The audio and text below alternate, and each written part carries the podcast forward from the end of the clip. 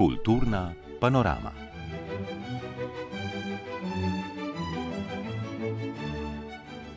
V tokratni oddaji bomo najprej napovedali zborovski festival Europa Cantat. Večji del panorame pa bomo namenili razstavam. V Bruslju so odprli razstavo Vznemirljivi časi, ki je veliko vznemirjanja izvala že pred odprtjem. V Koroškem rožeku je v galeriji Šikoronja na ogled razstava Zagon in vzdušje, v galeriji Kresija v Ljubljani pa fotografska razstava Dihaj Matjaža Krivica. Posvetili se bomo tudi festivalu sodobne umetnosti Art Stays na Ptuju in nekaj minut namenili izjemnim posameznikom, ki jih je za njihovo ustvarjanje oziroma delovanje odlikoval predsednik republike. Kulturno panoramo z glasbo opremlja Tina Ogrin, za mešalno mizo je Gašpr Loborec, pred mikrofonom pa danes Staša Grahek.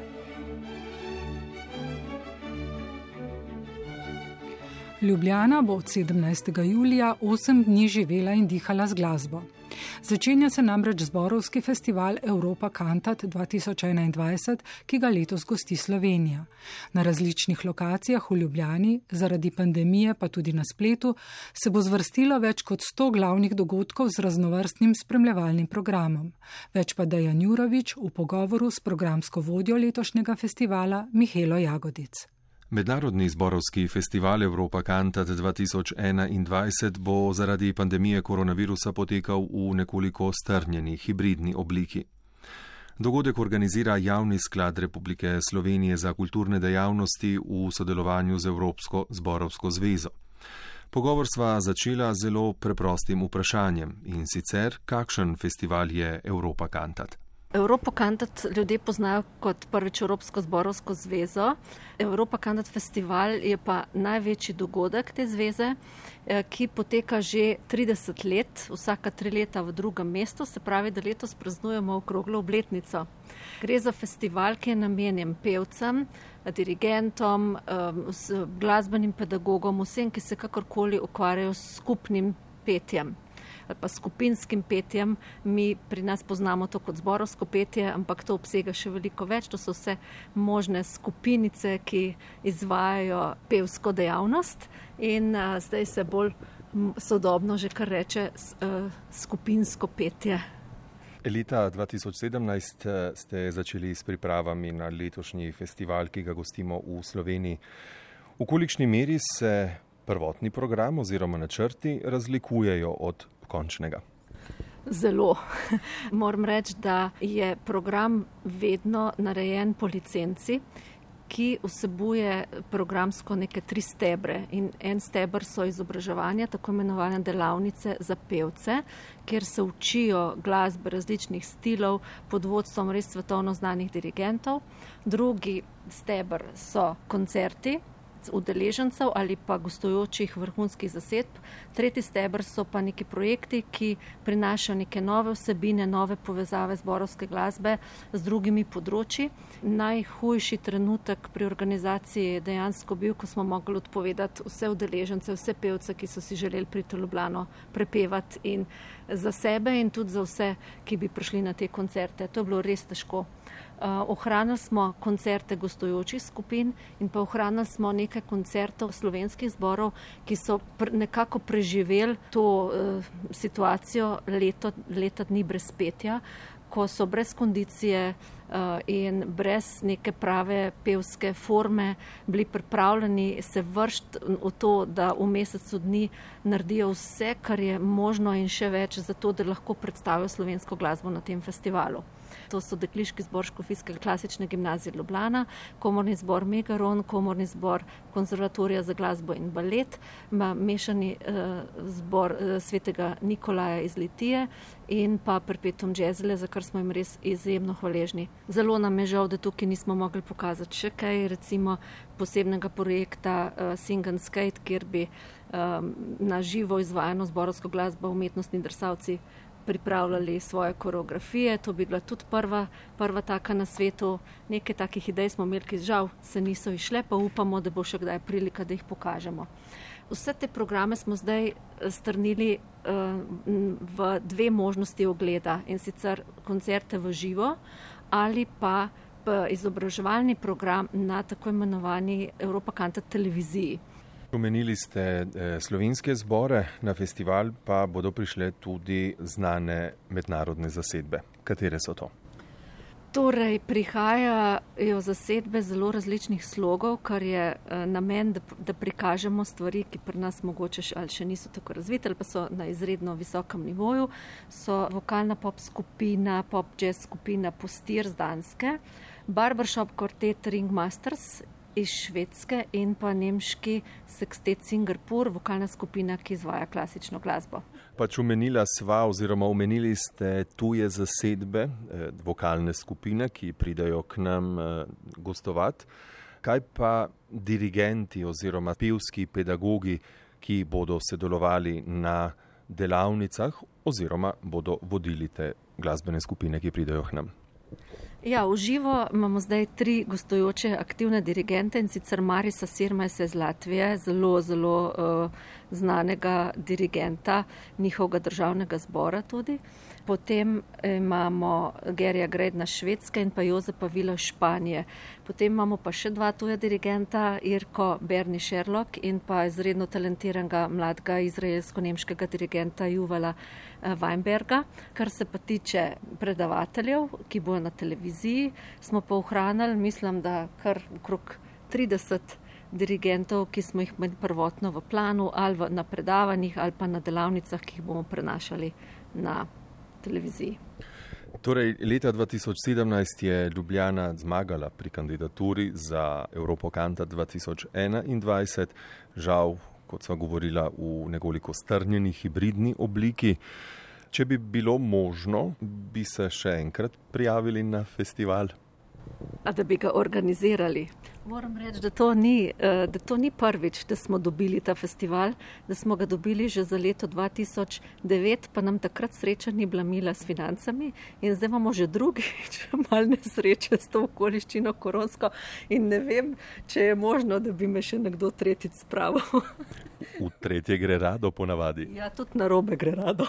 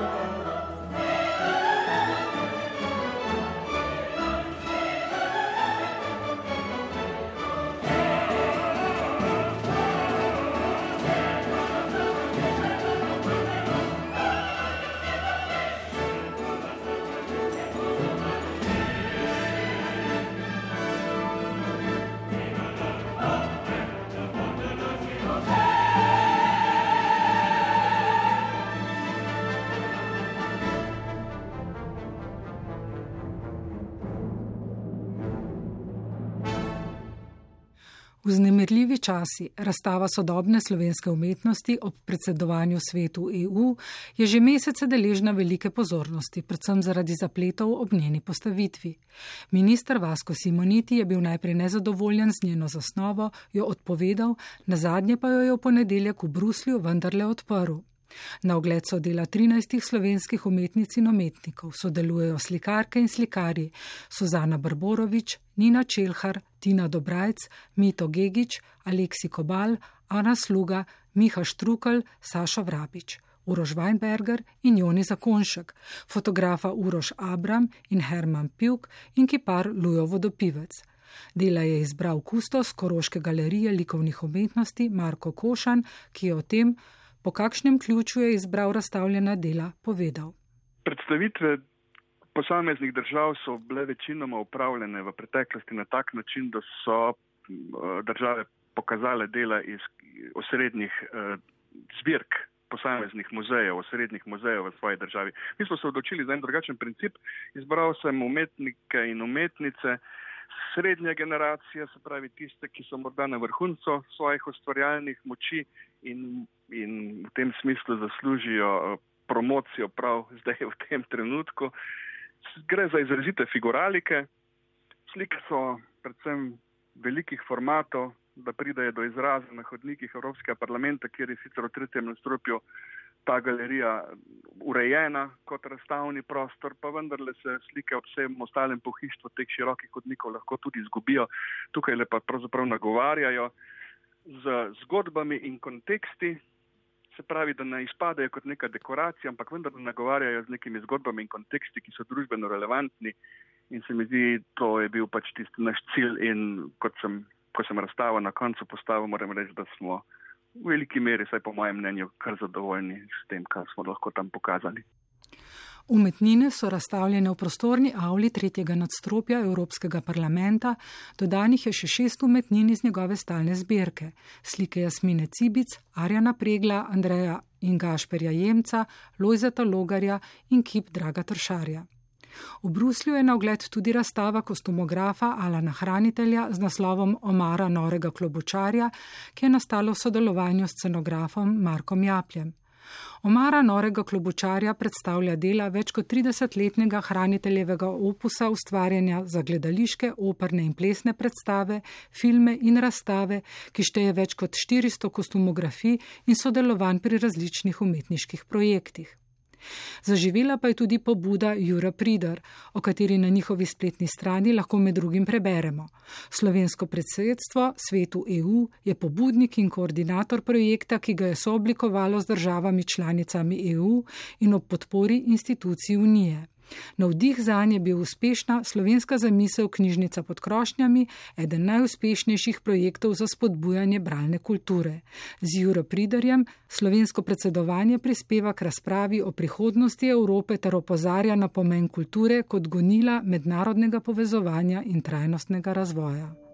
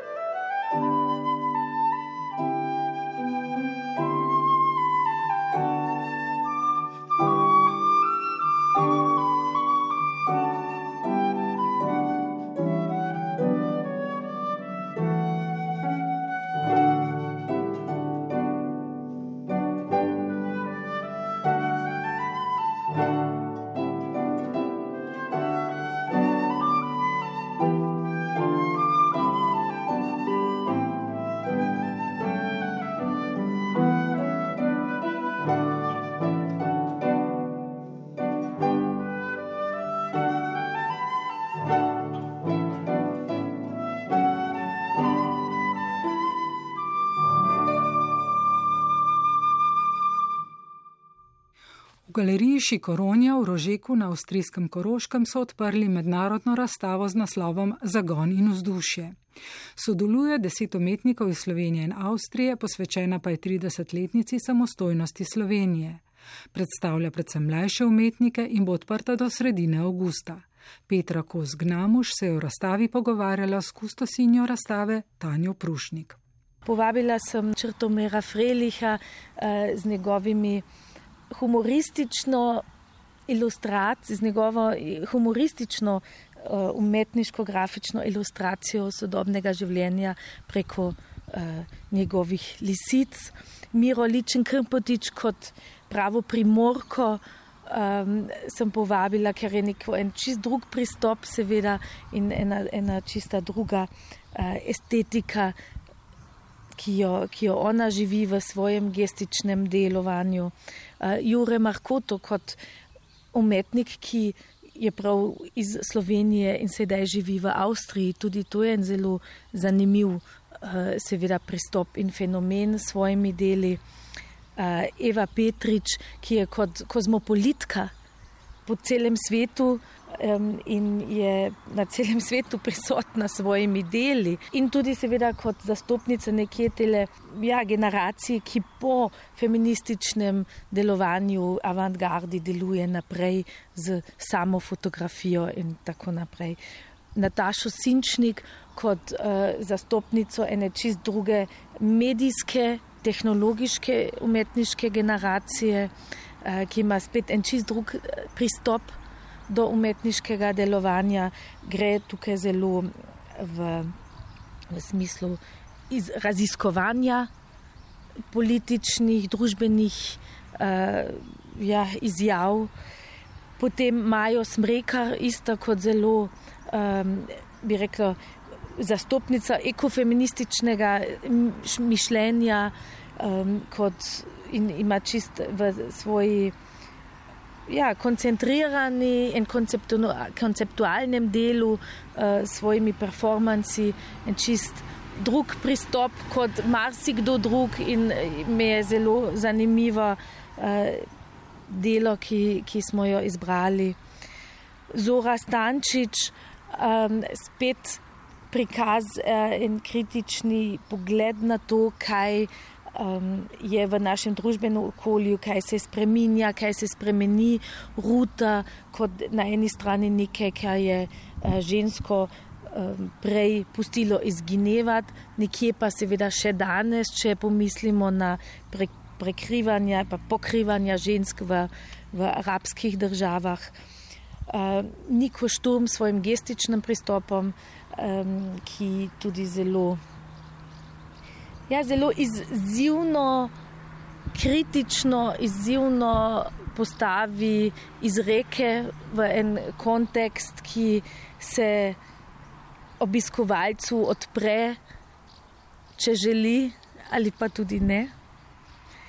In Alenko vidrga kot za mene eno um, zelo, zelo zanimivih kipark. Slovenije, ki dela v velikih formatih, v zelo obširnem, v zelo obširnem opusu, ki ima tukaj s svojimi monstrancami, ker sem, je zelo, morda tudi um, oseben pristop pri njej, ker sem bila prav prisotna, ko je delala te svoje eh, monstrance in v tem delovanju, tale, da, da sem smela občutiti, kako je njen pristop na eni strani do, do religiozitete, pa na drugi strani je to za mene uh, nekaj zelo femininega, uh, ima en zelo feministični, pa feminini pristop do religiozitete. Moja lastna dela uh, sem izbrala tako, da sem tudi ta kritični pogled nazaj v, v našo zgodovino, v družinsko zgodovino, na uporniško gibanje na Koroškem predala, ker je to za mene prav to, ta slovenski izraz. Kakšen pa je eh, položaj kulture, eh, umetnosti, če zdaj govorimo ne samo v smislu 30-letnice Slovenije, ampak nasploh, če pogledate to čezmejno sodelovanje, kakšen je položaj kulture danes? Kaj se je pravzaprav spremenilo v tem času? Ne, ja, spremenilo se je pristop delovanju, spremenilo se je na eni strani to, da se je več odprlo, da, da je um, morda tudi na eni strani in to bom potem še enkrat razložila, na eni strani položaj ženske v kulturi in drugi kot je bil. Se še vedno borimo na, na tem področju, da smo v nekem enakopravnem um, sistemu, tudi tukaj, še vedno um, je deloma en, en, en, moramo še vedno predreti to anakronistično um, vele prezentančnost um, moškega, moških, also moške umetnosti. Um, na drugi strani ne bi bilo to nekaj samoumevnega. In če jaz delam tudi zadnje razstave, ko, bile, ko sem si želela prav žensko razstavo, nismo to nismo, um, poudarjali, temveč je bilo in to ne je tisto samo umevno. Um, na drugi strani seveda opažamo tudi um, nekje eno, v, čim se v politiki nekaj spremeni, opažamo tudi spremembo akceptance v družbi ker je le en pristop akceptance, da, da um, je en negativ, morda tudi en negativni uh, pristop. In smo to občutili v tem, ko je naša razstava, ki je šla iz Dunaja v, v Ljubljano, v Gesture Becomes Event, ko gesta postane dogodek, ko je bila uničena ena velika, eno veliko delo za feministično izjavo Katarine Cibulke.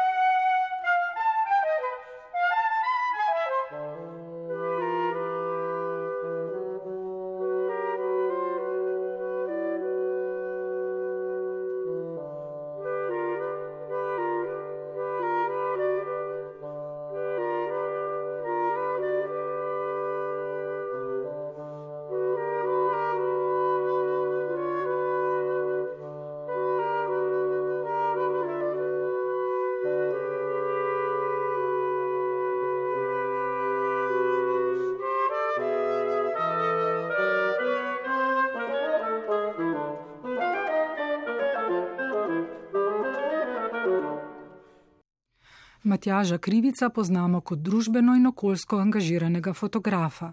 Med drugim nam je znana njegova fotografija delavca v rudniku zlata v Burkini Faso, za katero je leta 2016 prejel drugo nagrado World Press Photo v sekciji Ljudje.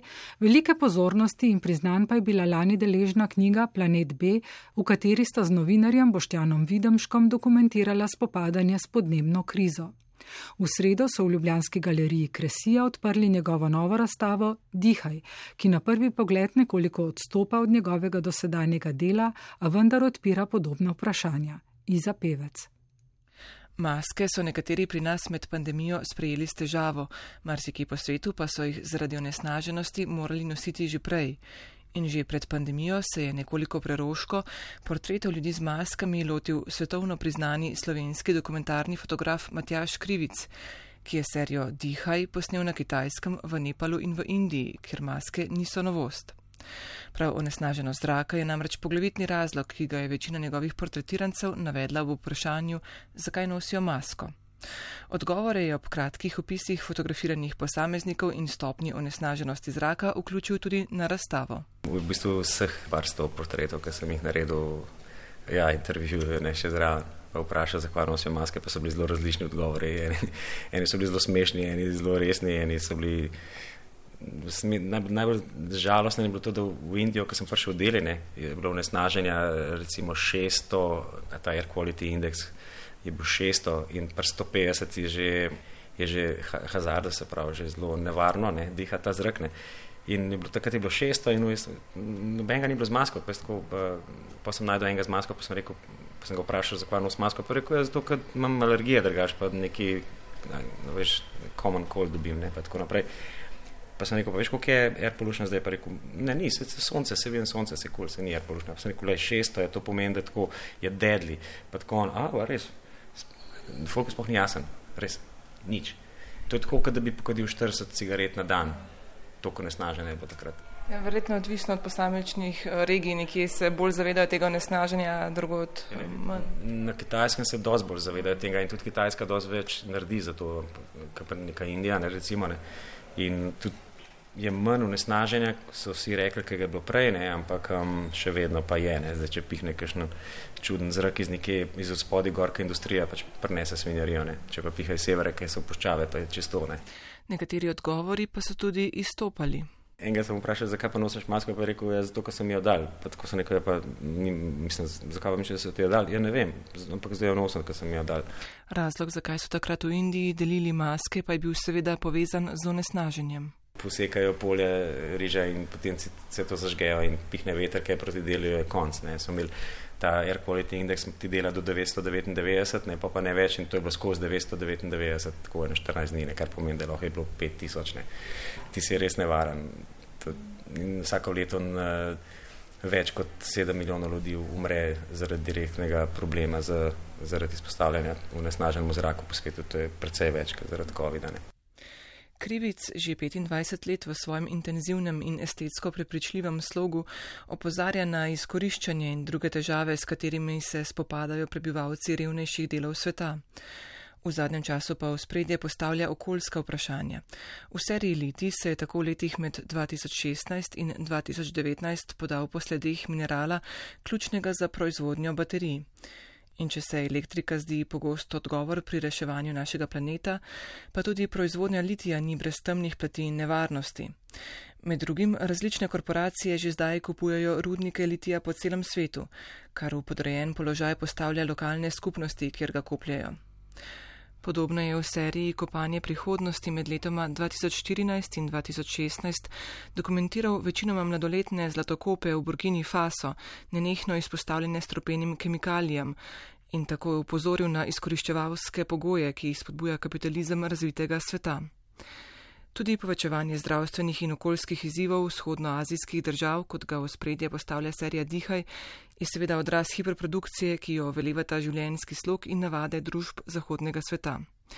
Serija Dihaj se torej jasno umešča v fotografova zanimanja, čeprav je tokrat pristopil nekoliko drugače, bolj posredno. Sej sem usporedno še malo probo pofotkati air pollution, se pravi, te, kako izgledajo te mesta.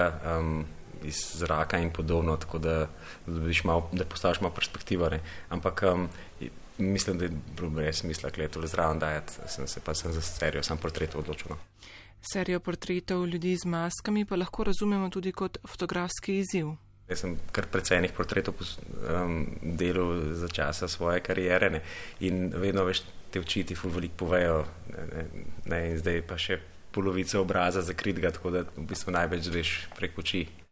Maske bodo v Evropi morda počasi izginile z obrazov in pločnikov, kot je v spremnem besedilu zapisal Miha Ravšel, pa razstava ob tem zastavlja vprašanje, ali je bila pandemija, ki nas je skrila za maske, le srčni utrip, s katerim je lažje zadihal naš planet, ali lekcija, ki nam bo pomagala spremeniti paradigmo in temeljito razmisliti o tem, kakšen zrak želimo dihati ljudje.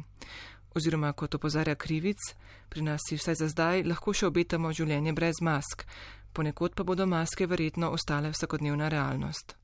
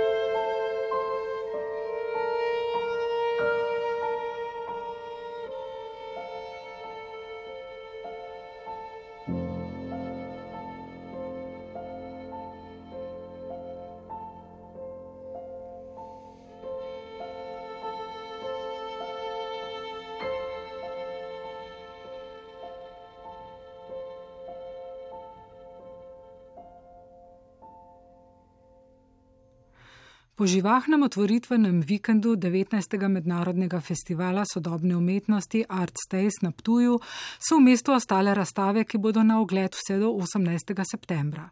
Osrednja razstava je v galeriji mesta Ptuj, druga razstavišča pa so v Mihaličevi in galeriji Magistrat, Dominikanskem samostanu, na Ptujskem gradu in v galeriji Fovi v Strnišču pri Kidričevem. Umetniški vodji festivala Jerne Forbici in Marika Vikari sta na Ptuj ponovno pripeljala vrhunsko umetnost. Z letošnjim vodilom, struktura, pa želita spodbuditi, da bi na svet pogledali iz druge perspektive in razmišljali o vzajemnem delovanju različnih elementov. Prispevek Irene Kodrič-Cizarl. Pobuda za letošnji moto je delo ptujskega akademskega slikarja Dušana Fišerja. Jernej Forbici ga je povabil k obuditvi razstave v galeriji Ekurna iz leta 2003 Enigma mentalna struktura prostora. Gre za eno njegovih najpomembnejših razstav z značilnimi kombinacijami slik in objektov. Ki nekako komunicirajo za sliko oziroma so neki varohi ne, teh enigem. To so v bistvu bile skulpture živali od antilope, ne vem, medveda. Nekaj, kar v bistvu sprašuje o tem, kdo koga gleda in kje je v bistvu tu gledalec, ne, zato ker pač te živali gledajo umetnino ne, in eh, človek je v bistvu eh, postal v drugem planu, to se pravi, nima eh, neposrednega dostopa do umetnine, zato ker je spredaj pač nek drug objekt. Dušan Fišer se v galeriji mesta Ptuj predstavlja tudi z novimi deli, prostorsko-kiparsko-instalacijskimi objekti iz lesa, aluminija, plekse stekla, svetlobe in zvoka, v katere je mogoče celo vstopiti. Dobimo neko kompleksen nagovor gledalca in to gibanje. Zdaj zanimivo je tudi to, ne, da lahko gledalec v bistvu vstopi v samo inštalacijo. To se pravi, ko je notri, ne še leta krat podoživi v bistvu to fascinacijo neke praznine, nekaj, kar v bistvu misliš, da je tik na tvojo glavo in ko stegneš roko, je v bistvu še nisi dosegel stropa. To se pravi, gre za neko, neko iluzijo, ki je fascinantna. To se pravi, kako se v bistvu zgubimo, ko zgubimo v bistvu mejo, ne? ko ne vemo, kje je zdaj v bistvu meja. Leta 2014 se je ruska umetnica Saša Frolova na Artstaysu predstavila s pop art umetnostjo. Letos pa je festival začela z baročnim performansom Barok, ki ga zaznamujejo kostumi iz napihljivih struktur iz lateksa. Tako so narejene tudi njene napihljive skulpture, ki so na ogled na Ptujskem gradu. Really this, uh, and, uh, this, this really like Všeč mi je občutek očaranosti, ko kot gledalec ne moreš odvrniti oči od umetnine. Po moje mora umetnost spet postati lepa, vzbujala naj bi pozitivna čustva in izkušnje.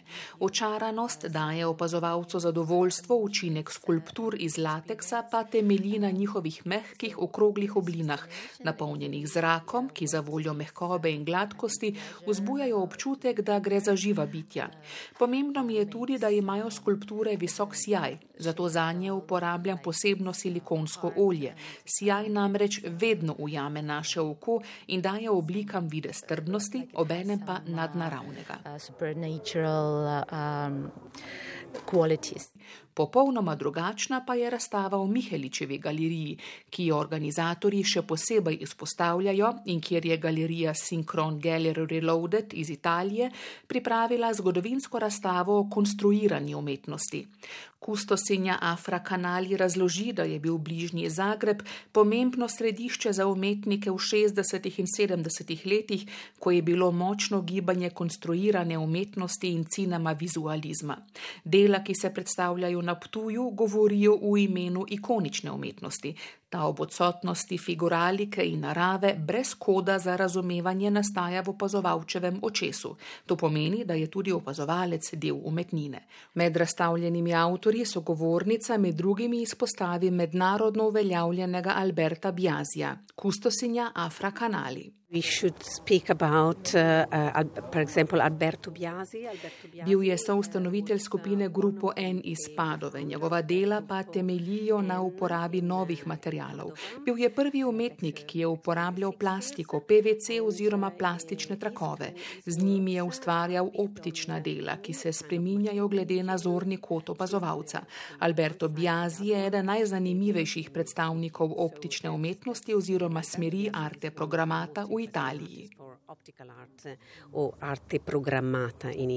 V galeriji Fovi v strnišču pri Kidričevem se po izboru kustosinje Doroteje Kotnik predstavlja šest slovenskih umetnic različnih generacij. Razstava prikazuje sodobne pristope in interpretacije konceptov prostora, perspektive in konstrukta. Kotnikova jih predstavi v kratkem naključnem izboru.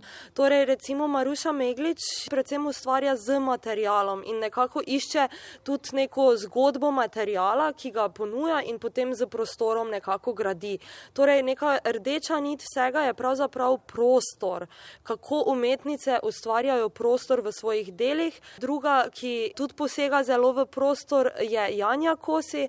Jaz sem izbrala predlog serviranja, v katerem se nekako navezuje pravzaprav na Ikejo, torej na to potrošniško zgodbo, ki je prostor za sanjarjanje in ustvarjanje neskončnih kompozicij. Recimo tudi od Anes Kobe, delo je zelo zanimivo, ona je pravzaprav arhitektka in fotografinja in se ukvarja, da znamenite arhitekture slovenske jih fotografira in jih potem torej razparcelira v, v motive in jih potem na novo sestavlja. Tudi letos umetniška dela na najrazličnejše načine razkrivajo, kako je mogoče upodobiti zunanje in notranje svetove in povezave med njimi. Kot opazovalci se lahko prepustimo zgolj njihovi podobi, lahko pa razberemo tudi izredno kritične družbeno-politične razmisleke.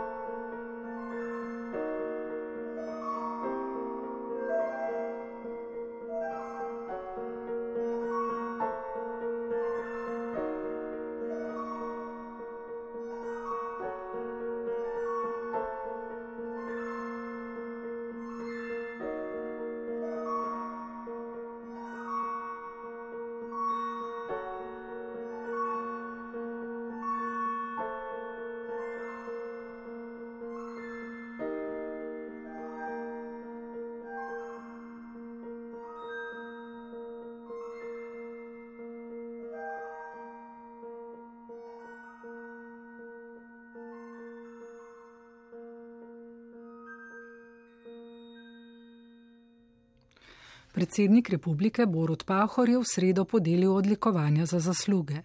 Za dragocen literarni opus, ki ga je po večini ustvaril med slovenskimi izseljenci v Argentini, je odlikoval pisatelja Zorka Simčiča. Za neprecenljiv kiparski opus Mirsada Begiča, za pomemben glas o domovini, ki ga je dala slovencem v Avstraliji, pa je medaljo za zasluge izročil Stanislavi Gregorič. Blaš Mazi. Pisatelj, dramatik in esejist Zorko Simčič je bil v Argentini v ožem krogu organizatorjev kulturnega življenja ter urednik osrednje emigranske kulturne revije Meddobje. Človek ene duše in dveh svetov je stoletno življenje mojsterskega sloga in pričevanja posvetil slovenski kulturi. Piše v čarobni slovenščini, ki bralca sprva zmede, se se zdi, kot bi bila arhajična, na to pa ga oplemeniti, ko se zaveda, da je to slovenščina, kakršna bi lahko bila, ko bi jo ljubili in negovali kot on, lahko preberemo v temeljitvi odlikovanja. Med Simčičevimi literarnimi deli je najprepoznavnejši roman Človek na obeh straneh stene, ki je eno temeljnih del slovenske povojne proze. O vrednotah našega naroda, države in še posebej jezika je bilo zadnje čase napisano zelo mnogo. Sicer pa je tudi v preteklosti pogosto tekla beseda prav o jeziku. Vsem našim velikim, velikim možem in ženam je jezik nekaj spomenul, nekaj zvišenega, nekaj skoraj svetega. Ne gre samo za cankarjev slavospev našemu jeziku ali za slomškovo skoraj pobožanstvenjenje slovenske besede in podobne stvari. Ne? Umetniki so besedo čutili kot nekaj svetega. Danes jezik ne čutimo več kot edini pogoj nacionalne kulture in identitete. In vendar sem prepričan, da bo tudi naprej eminentno zagotovilo za njegov obstoj, za naš stati in obstati, za našo usodo, ki je že odnegdaj nekaj posebnega. Akademski kipar Mirsad Begič je eden najbolj prepoznavnih in priznanih avtorjev vrhunskih spomenikov, ki jih je v več kot 40 letih intenzivnega umetniškega ustvarjanja oblikoval v Sloveniji in na tujem. V tem obdobju se je uveljavil kot vsestranski umetnik. Mirsad Begič je v Slovenijo prišel iz Bosne in je v Ljubljani našel prostor umetniške svobode, pa tudi ustvarjalni dialog s slovensko kulturo, državo in ljudmi. Konceptualno skulptura nove dobe potrebuje več govoric in opisov, da bi bila razumljena. Za moje pojme prava skulptura pa je želeva svoj, mo svoj moč in silovitost v materiji, bronu, kamenu ali pa terakoti. Torej, jaz sem še vedno tisti, ki verjamem v maternico zemljo in kopljem z svojim čutenjem kot šaman, kot tisti pra pra. Torej, bolj gre napredek v kosmično, jaz se poglabljam bolj v zemljo. Torej, za mene je progres biti globoko upet popkovino in verjamem, da je to moje poslanstvo. Stanislavo Gregorič v slovenski skupnosti v Avstraliji poznajo kot avtorico, pisateljico in urednico več slovenskih časopisov in revij. Vedno je imela v mislih, da smo Slovenci en narod. In tako sem tudi jaz delala in dosegla v Avstraliji spravo. Je bilo še nekaj domobrancev, četnikov, nihče ni moril, ampak jaz sem bila nekoč jugoslovanka velika, vsi smo se potem združili samo kot en narod slovenski in to sem jaz dosegla v Avstraliji. In ponosna sem, da se je to zgodilo v času, ko predseduje Slovenija Evropski uniji in zato, ker slavimo 30-letnico. Da bom to dočakala še jaz v teh mojih letih, kar visokih letih, si nisem nikoli niti pomislila. In ko sem zvedla, da bom dobila odlikovanje, nisem niti eno noč več spala. Povezovala je avstralske slovence, jih obveščala o dogajanju in ga komentirala. Dokumenti njenega dela pomagajo ohranjati tudi zgodovinski spomin na osamosvojitev.